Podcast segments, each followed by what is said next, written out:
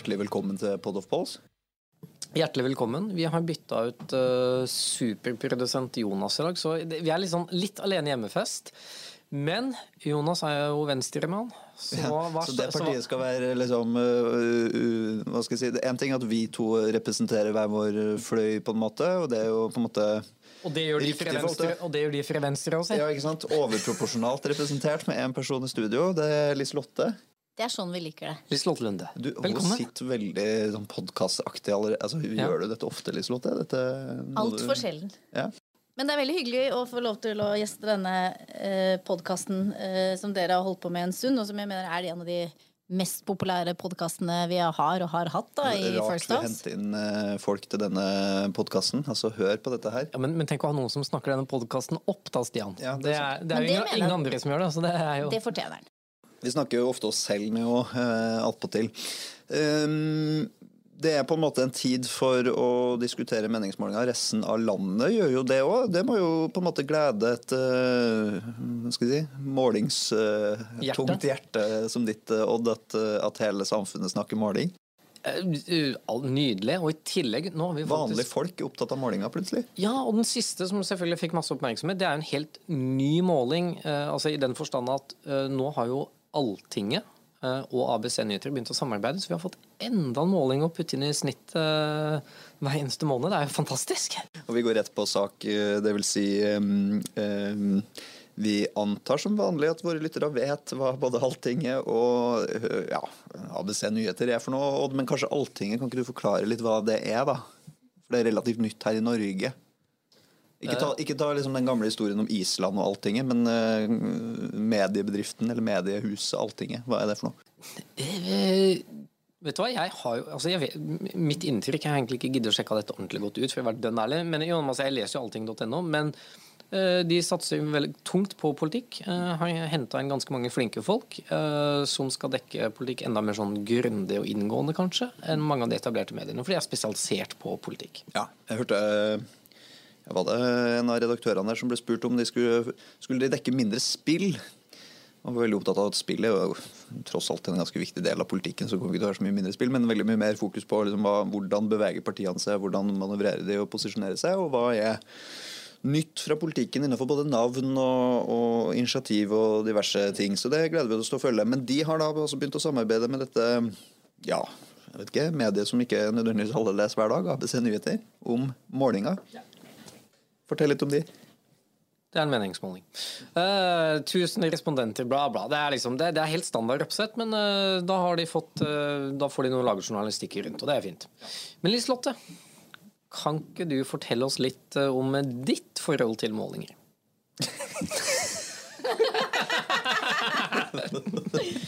Over eller under tallet fire, eller er det det du, du si... sikter til for Venstres del? Sperregrensa?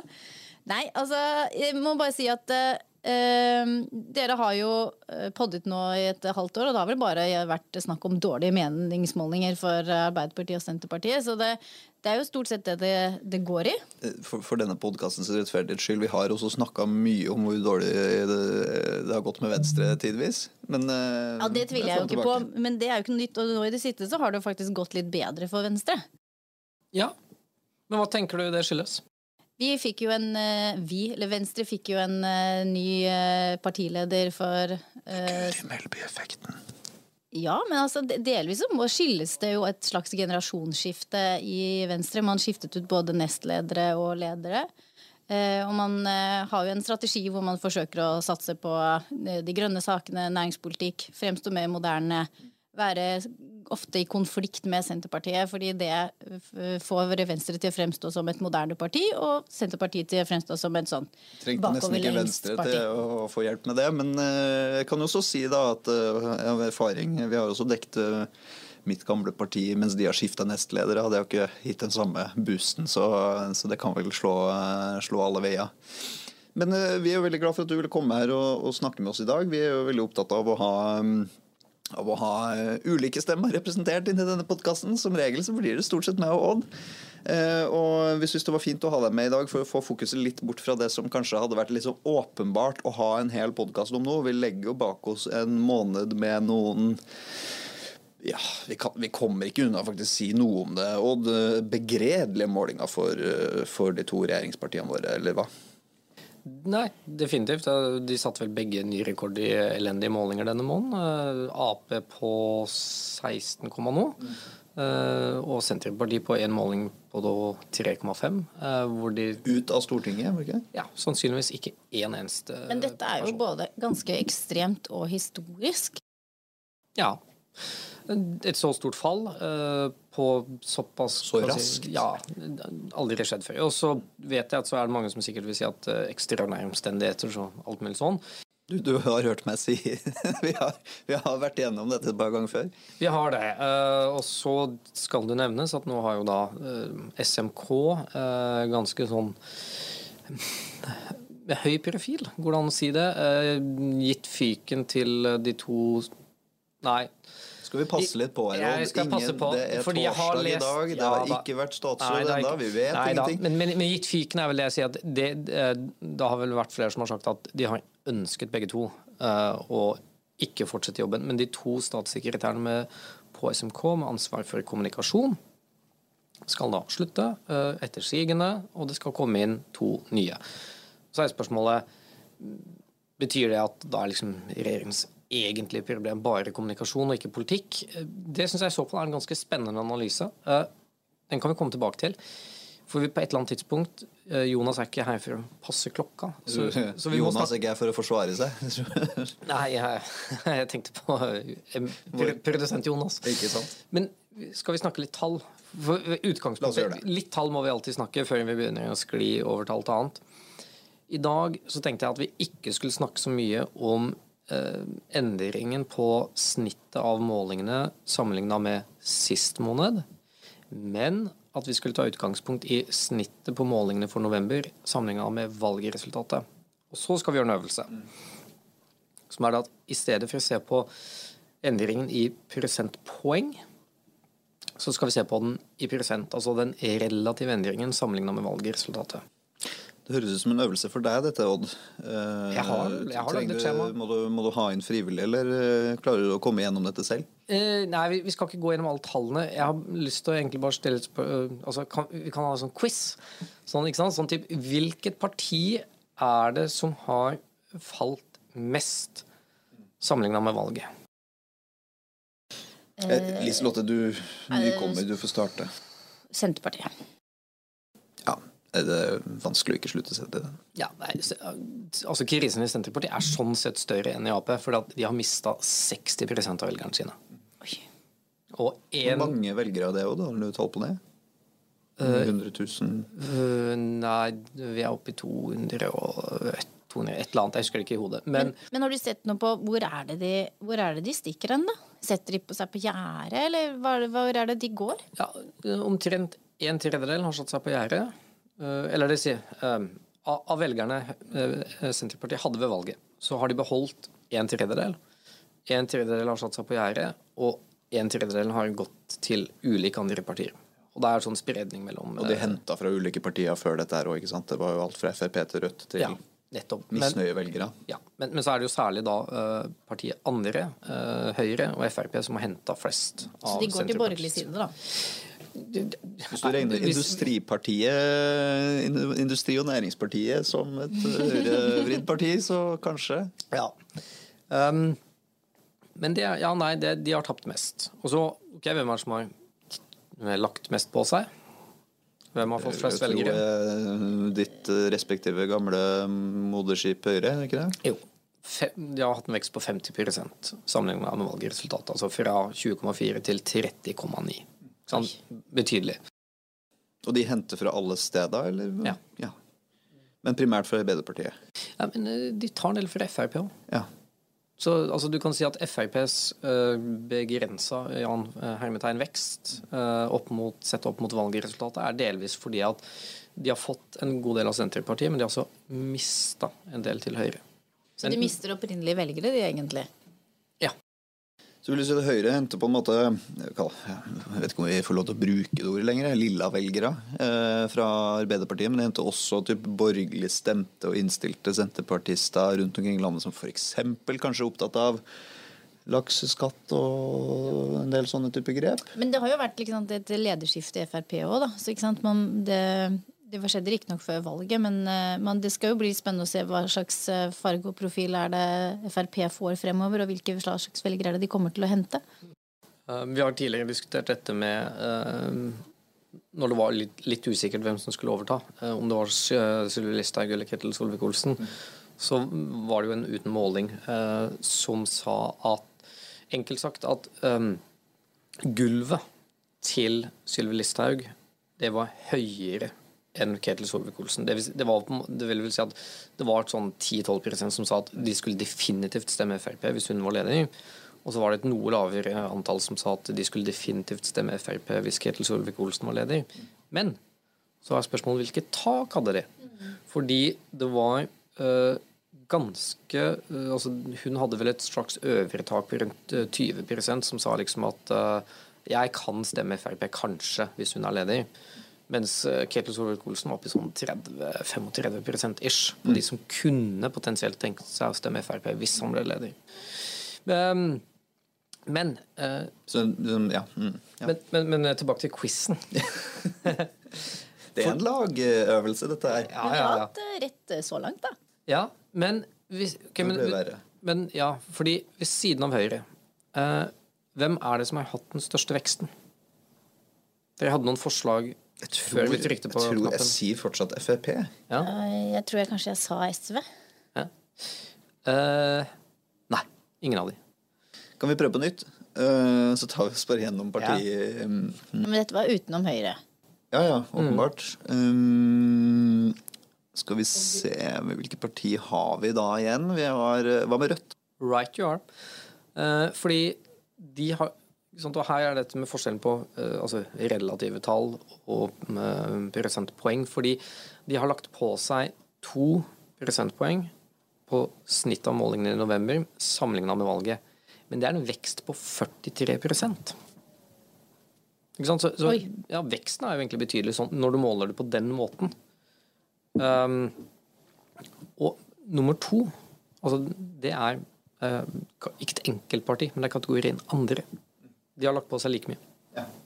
Hvem fins i denne kategorien nå? Vi har snakka om dette før. Vi har snakka om Bompengepartiet, som eh, blåste seg opp og ble store og mektige, og bl.a. i Bergen eh, ble avgjørende for, for flertallet i byrådet der, vel. Mm. Og så imploderte det ordentlig. Ja. Og de ble borte fra alle målinger. Altså. Hvem er det som har eh, Jeg var kanskje litt innpå det i stad, vet ikke. Det er vel uh, Industripartiet. Ja, Spesielt på Vestlandet, kanskje? Uh, ja. Og så er det uh, Pensjonistpartiet. Partiet De kristne er det vel, og så mm. er det en flora i tillegg. Demokratene på Sørlandet, vet ikke om de har klart å skaffe seg husro nok til å til å klare å samle lista. Så har du dette Det rette parti i Sarpsborg eller noe sånt. Hvis det viktigste sak visstnok er det at en eller annen toglinje ikke skal gå innom Fredrikstad. du, men hva skjedde med dette, med dette helsepartiet? De sitter jo fortsatt på Stortinget, da. Skal ja. gjøre det. Ojala er fortsatt der. Ja. Eh, var det noen som fikk med seg at de la frem det alternative budsjettet? Jeg har ikke hørt noe til det. Men, eh, men dette er jo interessant, Odd. Hva, hva, hva betyr det at vi, at vi, ser en sånn vekst blant øvrige eller andre partier, denne grå søylen som ofte havner litt i skyggen av de etablerte partiene? Det, er det typisk i hva skal jeg si, urolige tider med, med økte priser og sånn, eller er det typ misnøyevelgere som demobiliseres fra partier som ikke har levert på akkurat det de lovte i valgkamp?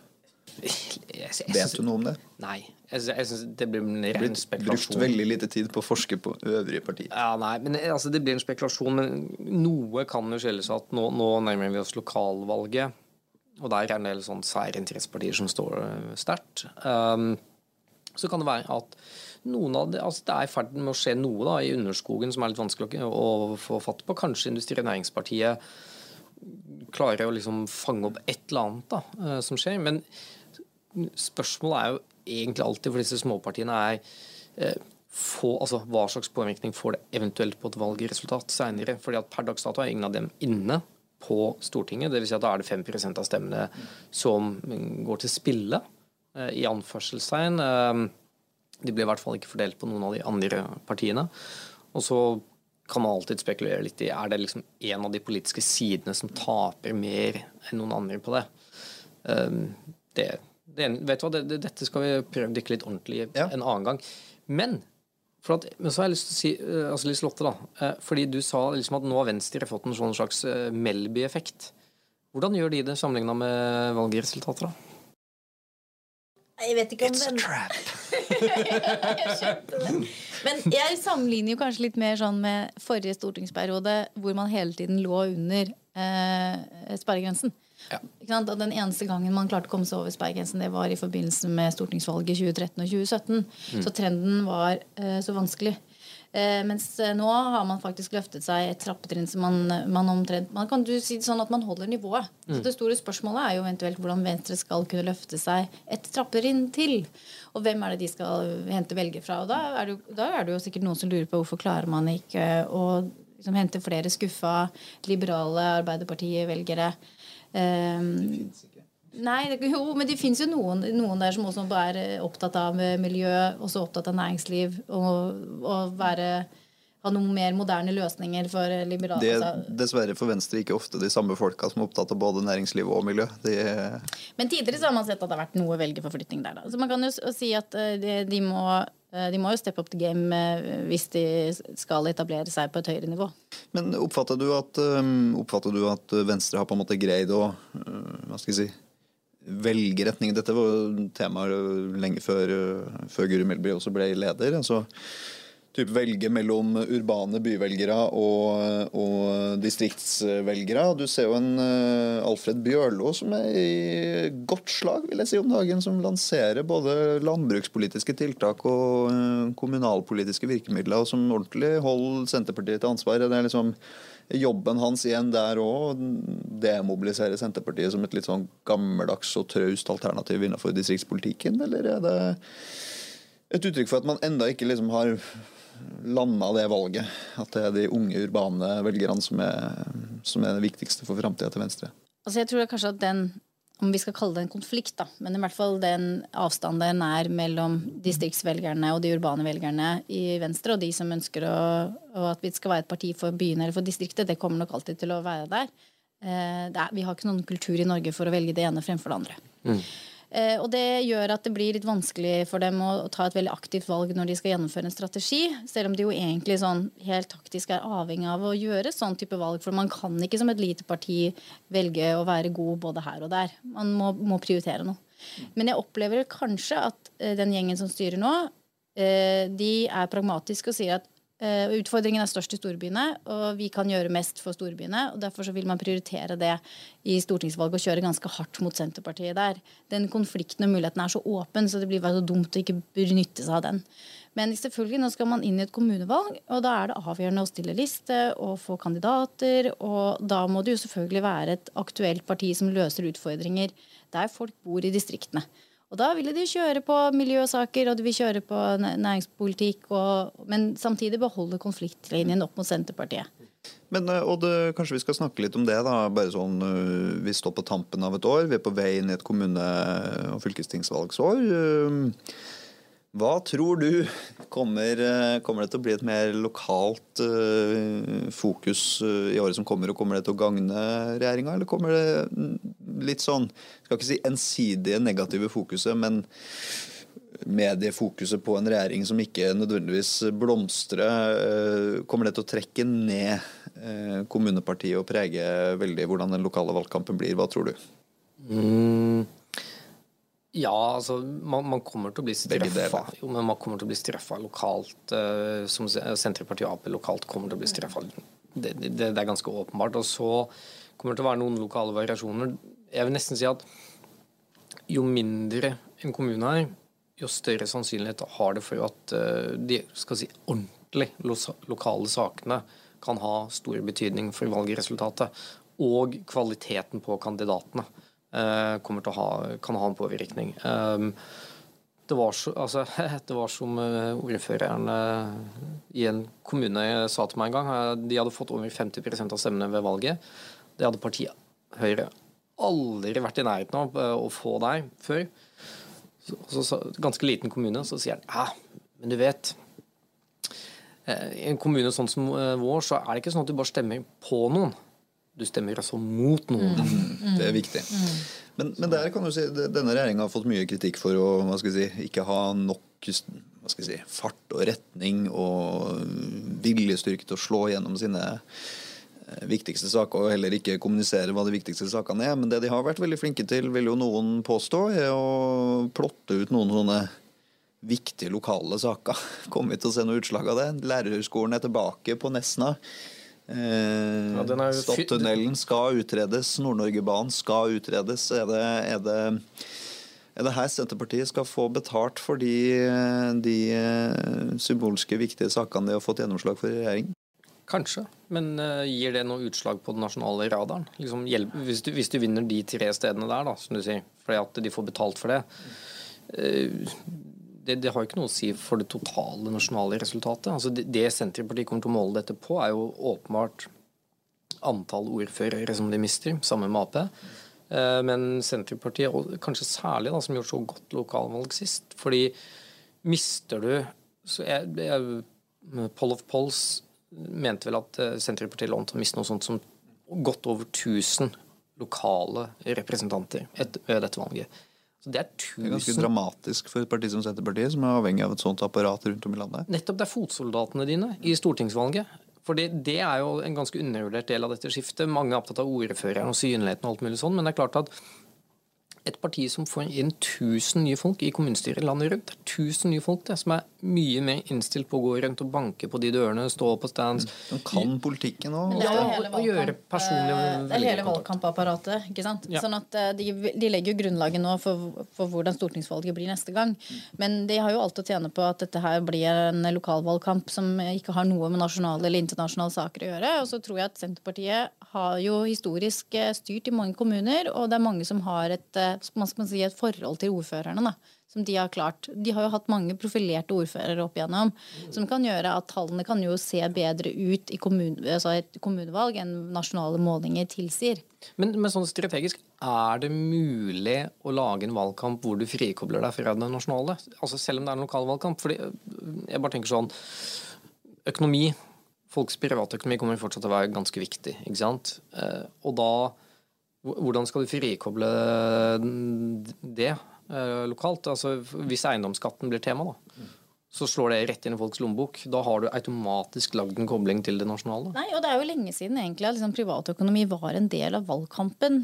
Både nasjonalt, men også og kommunalt. Da. Og, og, det er klart at, eh, og da vil strømningene se annerledes eh, ut. Da straffer man jo som regel de politikerne som sitter og styrer, og så, så tenker man at alternativet er, er bedre. Men vi snakket jo litt, grann, Odd, om altså Høyre har jo over 30 eh, nå. Um, hviler man på laurbærene? Eller klarer man på en måte å benytte anledningen til å utvikle seg som parti? Hvordan forbereder man seg til kommunevalg? For det første så har jo også vært godt dekka i media det hvordan Erna har vært på bussturné og liksom skapt masse lokal eh, medieoppmerksomhet, i tillegg til det nasjonale. Eh, jeg syns de har gjort en veldig god jobb med det. Eh, Sånn, ja, men sånn, sånn, bare sånn fra et faglig perspektiv, eh, for å si det på den måten. Altså, god dekning lokalt, også klart eh, god dekning nasjonalt. Men så er jo partiet helt sånn genuint opptatt av å utvikle også ny politikk. Og så kan man si at så er ikke det så synlig. Det ble jo veldig synlig i forbindelse med alternativbudsjettet. da, Odd. Barnetrygd f.eks. Ny politikk som kommer på løpende bånd der. Jo, jo, men, øh, men i tillegg alle fraksjonene. Altså, liksom, jeg bare overser spydigheten din. Eh, Nei, men, ikke sant? men, men altså, alle fraksjonene har i jobb å utarbeide ny politikk. eh, men det er jo fordi at altså, ok, akkurat nå så er det noen ting som dominerer mediebildet fullstendig. eh, Å komme på med ny politikk er jo ikke alltid det letteste, selv om det alltid er et ønske. På, man blir ofte spurt om å kritisere eh, sittende regjering. men men at det foregår liksom politikkutvikling i partiet, det, for det, er en lærdom at hvis man ikke har ny politikk å komme med på et eller annet tidspunkt, så kan sant, så endre mediebildet seg, alt mulig sånn. Da må det ha noe å komme ut med. Eh, Og i tillegg, ikke minst det er, det er dette med å gi svar som eh, er ordentlig svar på de utfordringene vi har, da. Men, det må jeg si er interessant, fordi vi snakker jo nå om at privatøkonomi, jeg vil jo kanskje kalle det sosialpolitikk òg, eh, er på dagsorden. Og tradisjonelt sett så har vi jo liksom når vi har drevet og målt disse sakseierskapene, så har jo et parti som SV totalt dominert. Eh, SV og Rødt dominert den agendaen der. Og nå ser vi jo et helt kobbel av parti som kobler seg på den sosialpolitiske agendaen og kommer med sosialpolitikk eh, og leverer på det. Og Det synes det er fascinerende å se at Høyre gjør det så godt, egentlig, et sånn type ordskifte. Hvis du ser på Eh, ja, i en alternativ budsjett. Det er jo ikke så store avstander i antall millioner milliarder som er bevilga til de ulike tingene. Det er noen ulike innretninger, det, det, er jo på en måte ærlige og greie forskjeller. Men um, jeg ser ikke noe sånn linjeskifte fra Høyre i det politiske. Det må jo i så fall være at man igjen seiler på dette med, med styringserfaring, og at man har en trygg og kjent leder. Eh, fordi Sånn sett så skulle man jo tenke at SV gjorde det enda bedre. SV gjør det for all del eh, ganske godt på målingene eh, for tida, men Kan, kan jeg bare skyte inn? Men sånn, fordi det, det, Dette er litt sånn interessant med tanke på etterlatt inntrykk. Altså, mm. Jeg er enig at etterlatt inntrykk er at SV gjør det veldig bra nå. Men sammenligna med valgresultatet så har de, liksom, så har de fått 12% flere velgere enn hva de hadde. Mm. Det, det, er ikke noe spesielt imponerende sammenligna med Nettopp, de andre partiene. Og det er det som er så interessant der. ikke sant? Eh, hva, hva sa du Høyres vekst var? 50% Men Man skulle jo trodd at de hadde profitert mer på den politiske situasjonen som er nå. Liksom Men det er Rødt som har klart det. Ja, ikke sant? Så det er fragmentert det er og vanskelig for SV. Vi går og tror at SV har hatt en større oppsving enn det de har hatt. da. Mm. Ja, altså Vi har vært vant til at SV har svunget eh, mye opp og ned. Eh, og så har de klart å stabilisere seg da, kan vi si, over tid på et ganske jevnt høyt nivå for det partiet å være. Like under 10% jo, men samtidig så mener jeg at eh, den kalde manglende veksten til SV, gitt den situasjonen Ap står i nå, som har mista da Ap har for øvrig mista eh, Hva er det De har mista 30% av velgerne sine. En tredjedel. Altså, sist gang det gikk så dårlig som dette med Ap over tid, i hvert fall eh, tilbake til når altså Stoltenberg-Jagland-feiden, som vi har diskutert før, så var jo SV kjempestore. Nå det vil si at velgerne har jo ikke primært for, for, gått til venstre. Og da, og da er den politiske, politiske konsekvensen av spørsmålet Er løsningen for Ap da å gå til venstre? Ja, det er nå Dette er jo veldig spennende, og det er jo den store diskusjonen som også går eh, tidvis ganske høyt offentlig i Arbeiderpartiet. Det var jo Eh, Astrid Hoem, AUF-leder, som sa, sa, vel at det som må skje, er å ta partiet lengre ut til venstre i en del sosiale, politiske økonomiske spørsmål. Det ser jo ikke ut til at det der den store velgermassen er å hente, Odd, ut ifra det du gjennomgår her og tall. Altså, sånn. så, så, så, vidt jeg kan se. Altså, okay, de, la oss, men la oss si da, at de kan hente tilbake alle velgerne som har gått til sofaen La oss si at de kan hente tilbake alle velgerne som har gått til Rødt og SV ved å bevege seg til venstre. Så ville Ap ligget på et sted rett over 20-tallet. Altså fortsatt ikke nok til å beholde makta. For du hadde kannibalisert eh, SV og Rødt, og så hadde du OK, får du tilbake uh, ja, sofasitterne, men liksom det men da er vi kanskje også inne i kjernen at dette kanskje likevel ikke er en sosialpolitisk krise. Eh, nå sitter ikke jeg med noe, noen, noen, ferske tall på fattigdomsutvikling. Stadig flere får det, får det verre. Eh, sånn er det jo spesielt når, når rente, renteøkninga kommer og, og, økonomien blir trangere. Så selvsagt de som sitter nederst ved bordet, får det alltid verre. Sånn er det alltid gjennomgående. Det kan Norges Bank dokumentere og alle andre dokumentere. Men denne krisa virker som at den treffer så bredt at det er mer som både du og Lotte sier, lommeboka til en stor andel av befolkninga. I mye større grad enn at dette er et litt sånn smalt sosialpolitisk fenomen som treffer de aller svakeste mest. Ja. Eh, og det er klart, altså Det er jo folk som tjener såpass mye at de åpenbart aldri kommer til å bli truffet av en eneste kall det sosialpolitisk eh, tiltak. Bostøtte og den typen ja, ting? Ja, men, men, men, folk som likevel syns at de har det veldig trangt. Uh, men altså trangt i skalaen Trangt i forståelsen av at vi sitter jo i et verdens riksland, og, verdens riksland men også verden, verdens mest begjelda befolkning omtrent, med men, boliglån på si at, men, men, ironien er det at man kan oppleve at uh, ulikheten likevel kommer til å gå ned. Ned. Ja. Ja, fordi alle får det Jo, nei, men ikke bare det. Men eh, fordi, Fordi alle flyttet til Sveits. Nettopp. Jo, men, fa jo, men faktisk, faktisk, det er det faktisk hvis, hvis, nok, hvis nok formue flyttes til Sveits, Ja, ja, ja. så går sånn som eh, Ap tidligere har vært veldig opptatt av å måle ulikhet, nemlig Gini-koeffisienten, kan komme til å gå ned. Og det tror jeg vi skal komme tilbake til i en annen episode. Vi tror også at vi skal klare å snekre sammen noe som går litt mer i dybden på, på eh, Arbeiderpartiets problem. Vi kom ikke helt unna å snakke om det i dag heller, fordi det er ganske tydelig eh, det som preger både omtale og meningsmålinger i disse dager. Ok, vi var visst ikke helt ferdige likevel. eh, fordi etter at vi hadde trykka på stopp-knappen, så hadde Liselotte et spørsmål som var så spennende at det må vi bare snakke litt mer om. Liselotte, vær så god. Altså, nå har jo Audun Lysbakken vært i pappaperm. Og tenk hvis han ikke hadde vært det. Hadde SV da gjort det bedre nå i høst? Er det lov å stille det spørsmålet? Jo, men det var derfor vi skrudde på igjen, fordi vi syntes det var et kjempebra spørsmål. Men det er jo også litt viktig med tanke på at de skal inn i et lederskifte. Ja, eh, men vil du omfrasere det spørsmålet litt og si har Kirsti Bergstø greid å kapitalisere like mye på politikken som det Audun Lysbakken ville greid å gjort? Kan han ikke bare få lov til å stille spørsmål som hun Skal det bare gjorde? stå sånn? Dette kan du tenke.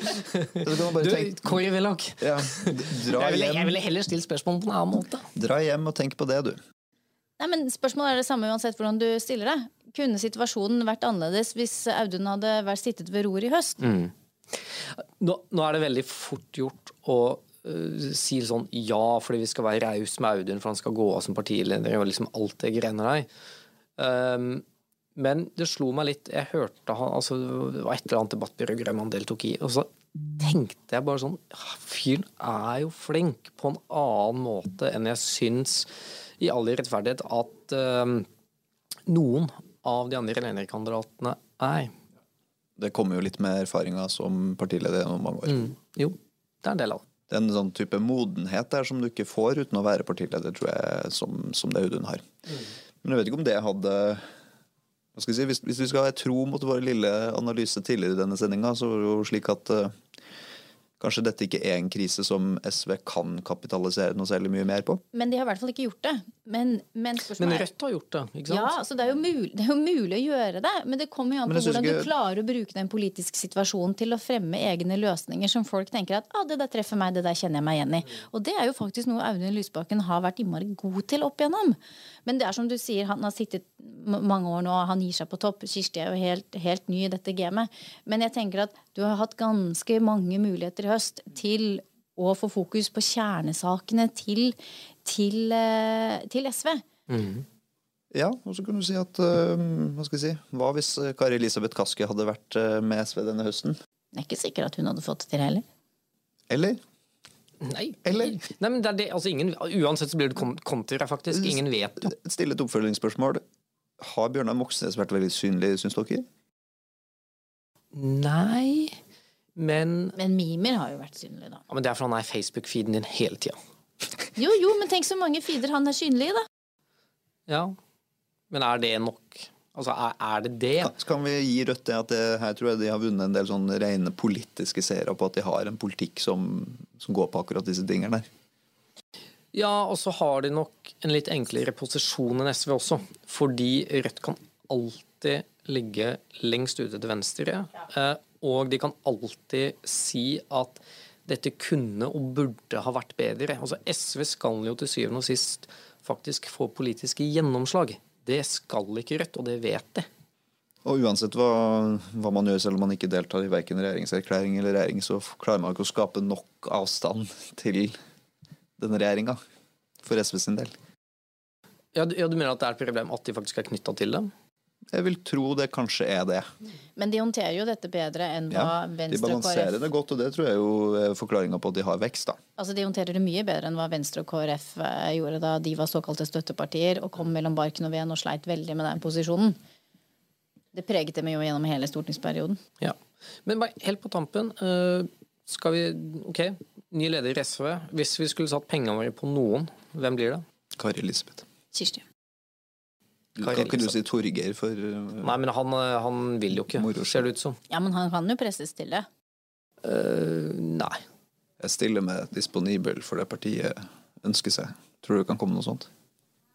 Men tror du ikke han kan bli en sånn en, eh, At han blir et kompromiss?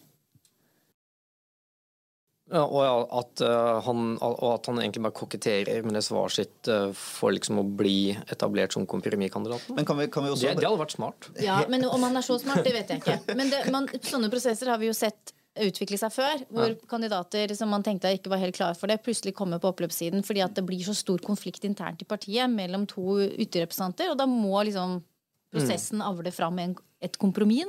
Kan, kan vi også bare som en liten sånn, jeg vet ikke om det er en fun fact engang, men se hvordan eh, tyngdepunktet i SV har flytta seg fra Vestlandet til Nord-Norge.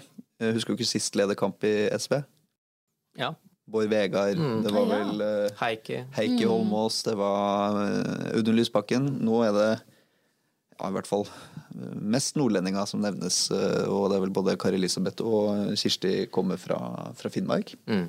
Og Torgeir fra Troms. Ja, opprinnelig Bergen, skjønner du. Ja, det er der det kommer fra. Mm. Men de avler fram kandidater, da, i hvert fall. Hva er det vi pleier å si, Odd? Den som måler, får se. Takk for at du lytta på.